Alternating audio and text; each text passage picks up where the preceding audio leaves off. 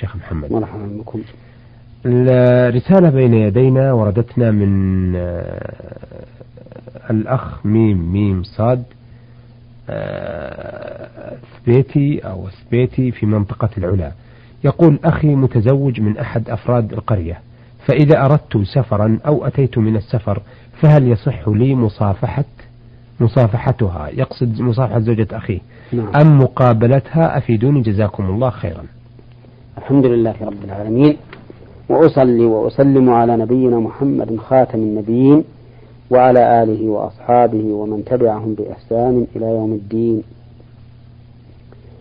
أقول في الجواب على هذا السؤال إن كانت زوجة أخيك من محارمك برضاع أو نسب فإنه لا حرج عليك في مقابلتها والسلام عليها. لأن المحرم يجوز له أن ينظر إلى ما يظهر غالبا من ذات محرمه. وأما إذا كانت هذه الزوجة زوجة أخيك ليست محرما لك بنسب ولا رضاع فإنه لا يجوز لك أن تصافحها ولا أن تنظر إلى وجهها. اللهم إلا. إذا صافحتها من وراء حائل. كما لو وضعت على يدها شيئا يحول بين مسك لبشرتها ومسها لبشرتك فهذا لا بأس به.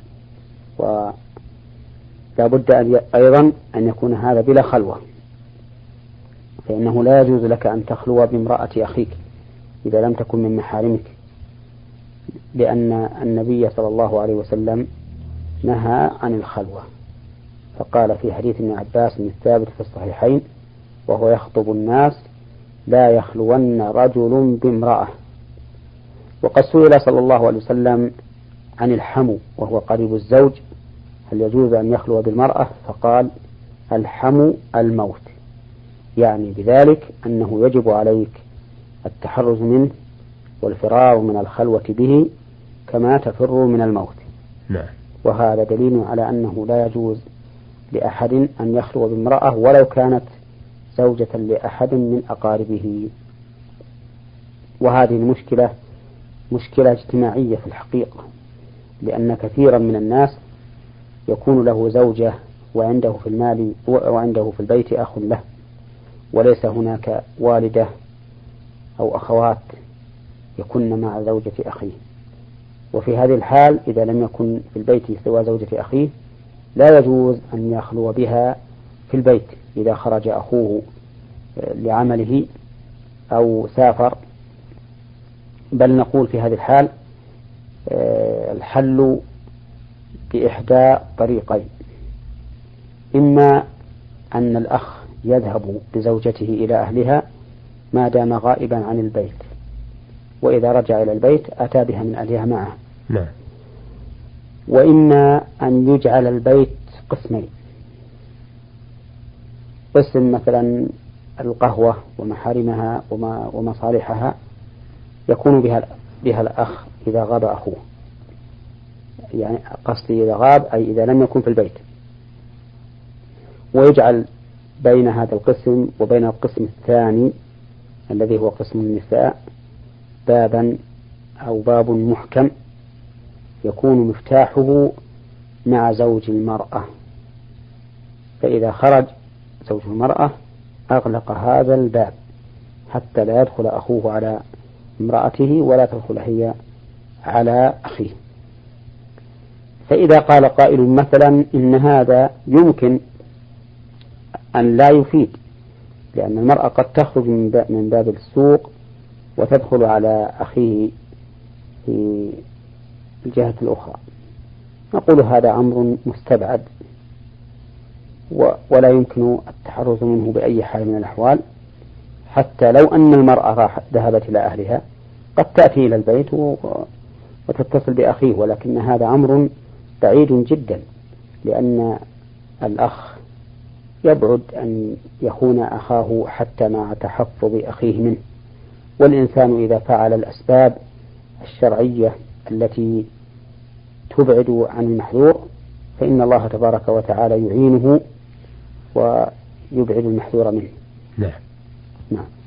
آه لديه سؤال آخر لدى المستمع.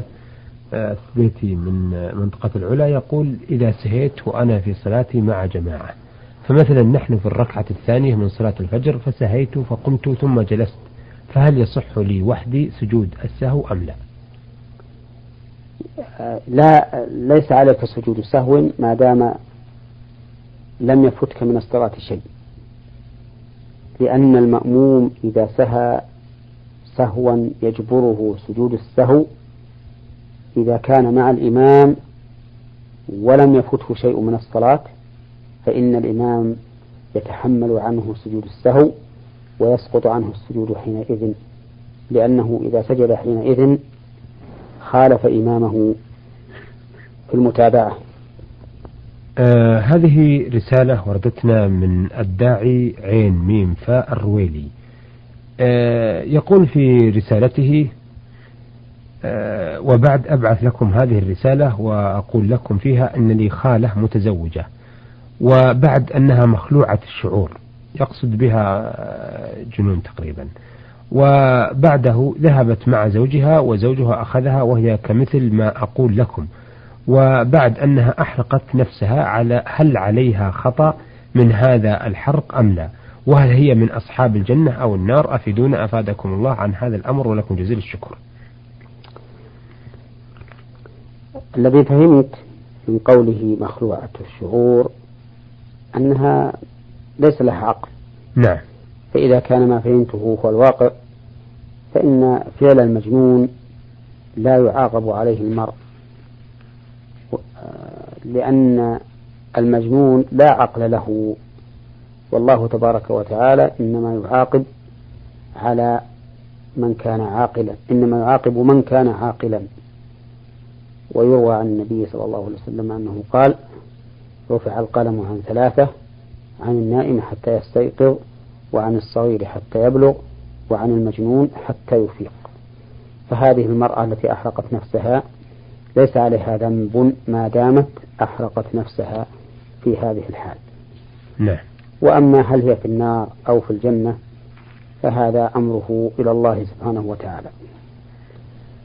آه، من شقراء وردتنا هذه الرسالة من المرسلة حاء عين عين تقول فيها أرجو الإفادة عن صحة أكل الدجاج المستورد من فرنسا حيث أنني وجدت الحنك السفلي متصل بالدجاجة لم يقطع فهل هو حلال أم حرام؟ أما الدجاجة التي وجدتيها لم يقطع جزء من رأسها وكان القطع مع أعلى الرأس فإن هذه لا تحل ولكنه لا يلزم أن يكون هذا الحكم ساريا في جميع الدجاج التي معها.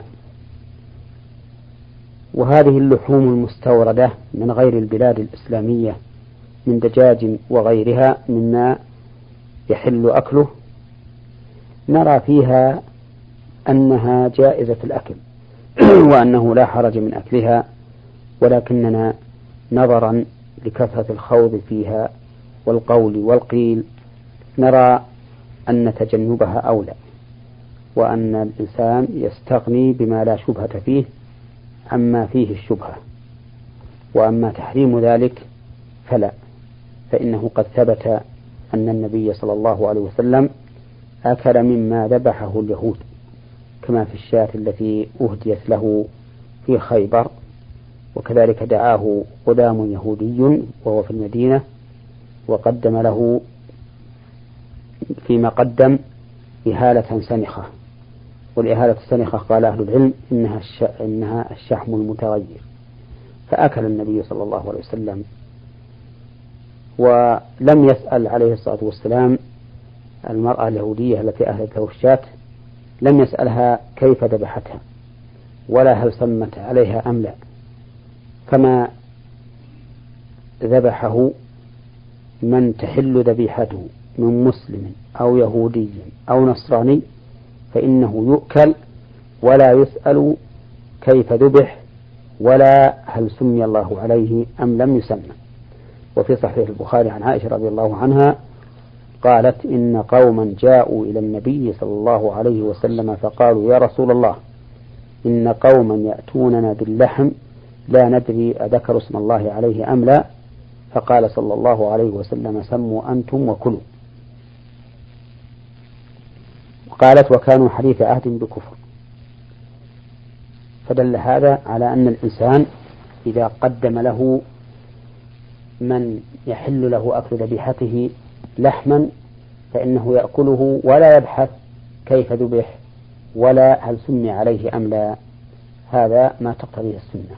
نعم. ولكن كما قلت قبل قليل إنه نظرا لكثرة الخوض فيما يرد من تلك البلاد غير الإسلامية فإنه إذا تورع عنه إلى غيره فهو أولى ونحن لا نحرم هذا اللحم الوارد. نعم. آه، أيضا تقول المرسلة من شقراء إن لي أخت من الرضاعة وأرضعت أولادا غير أولادها فهل يجوز أن أكشف للأولاد الذين أرضعتهم؟ نقول أختك من الرضاعة كأختك من النسب لقول النبي صلى الله عليه وسلم يحرم من الرضاع ما يحرم من النسب وعلى هذا فإن أولاد أختك الذين أرضعتهم تكونين أنت خالة لهم. فتكشفين لهم كما تكشفين لبنات لأولاد إخوتك أختك هذه. نعم. نعم. أيضا تقول سجدة سجدة تلاوة القرآن هل تجوز في أوقات النهي؟ نعم. يجوز للقارئ إذا مر بالسجدة في أوقات النهي أن يسجد. آه. وذلك لأن كل صلاة لها سبب فإنها تفعل ولو في أوقات النهي. إذ أن أوقات النهي حسب تتبع الأدلة والجمع بينها إن تختص بالنوافل المطلقة التي ليس لها سبب.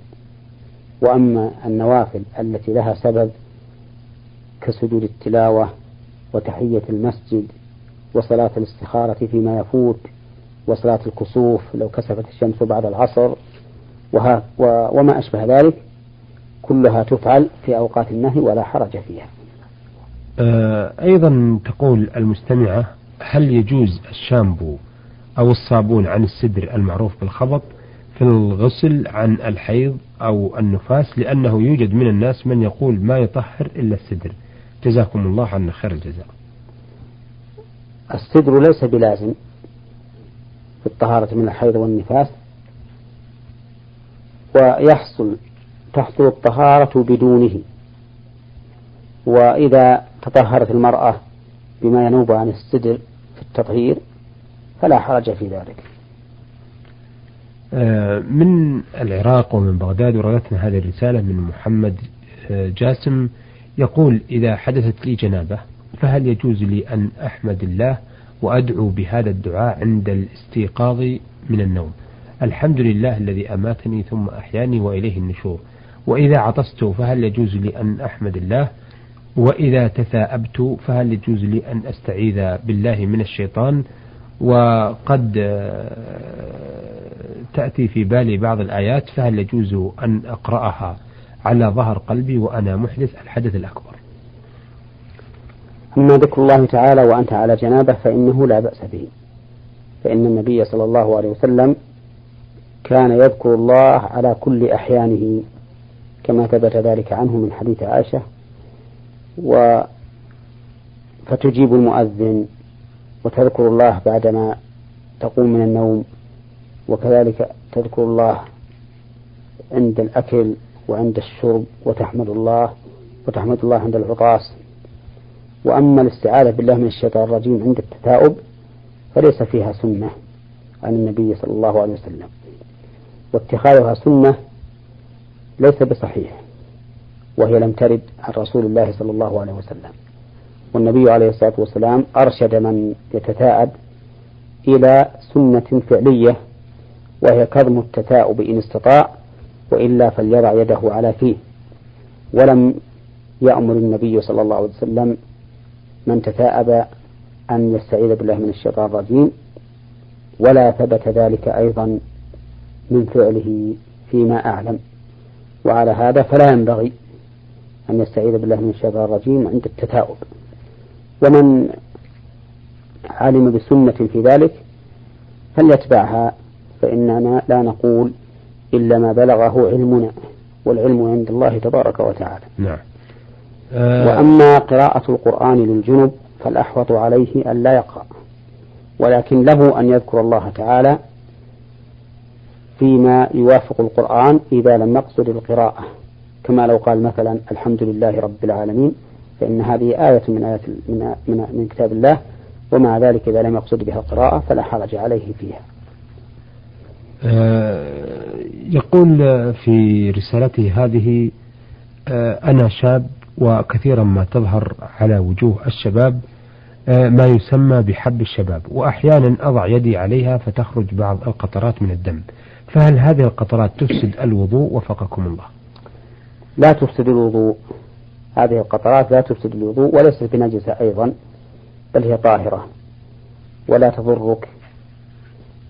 واعلم أيها السائل أن جميع ما يظهر من البدن من الدم والقيح وغيره لا ينقض الوضوء أيضا.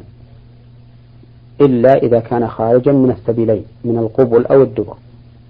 فلو انجرحت أو رعف أنفك أو حصل دم من ضرسك أو ما أشبه ذلك وخرج دم ولو كثيرا فإن وضوءك باق لم ينتقض.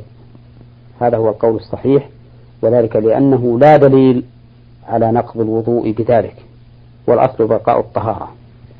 وأما ما خرج من السبيلين فهو ناقض ولا إشكال فيه. نعم. أثابكم الله. آه، هل هناك لا ليس أثابكم الله. أيها السادة إلى هنا نأتي.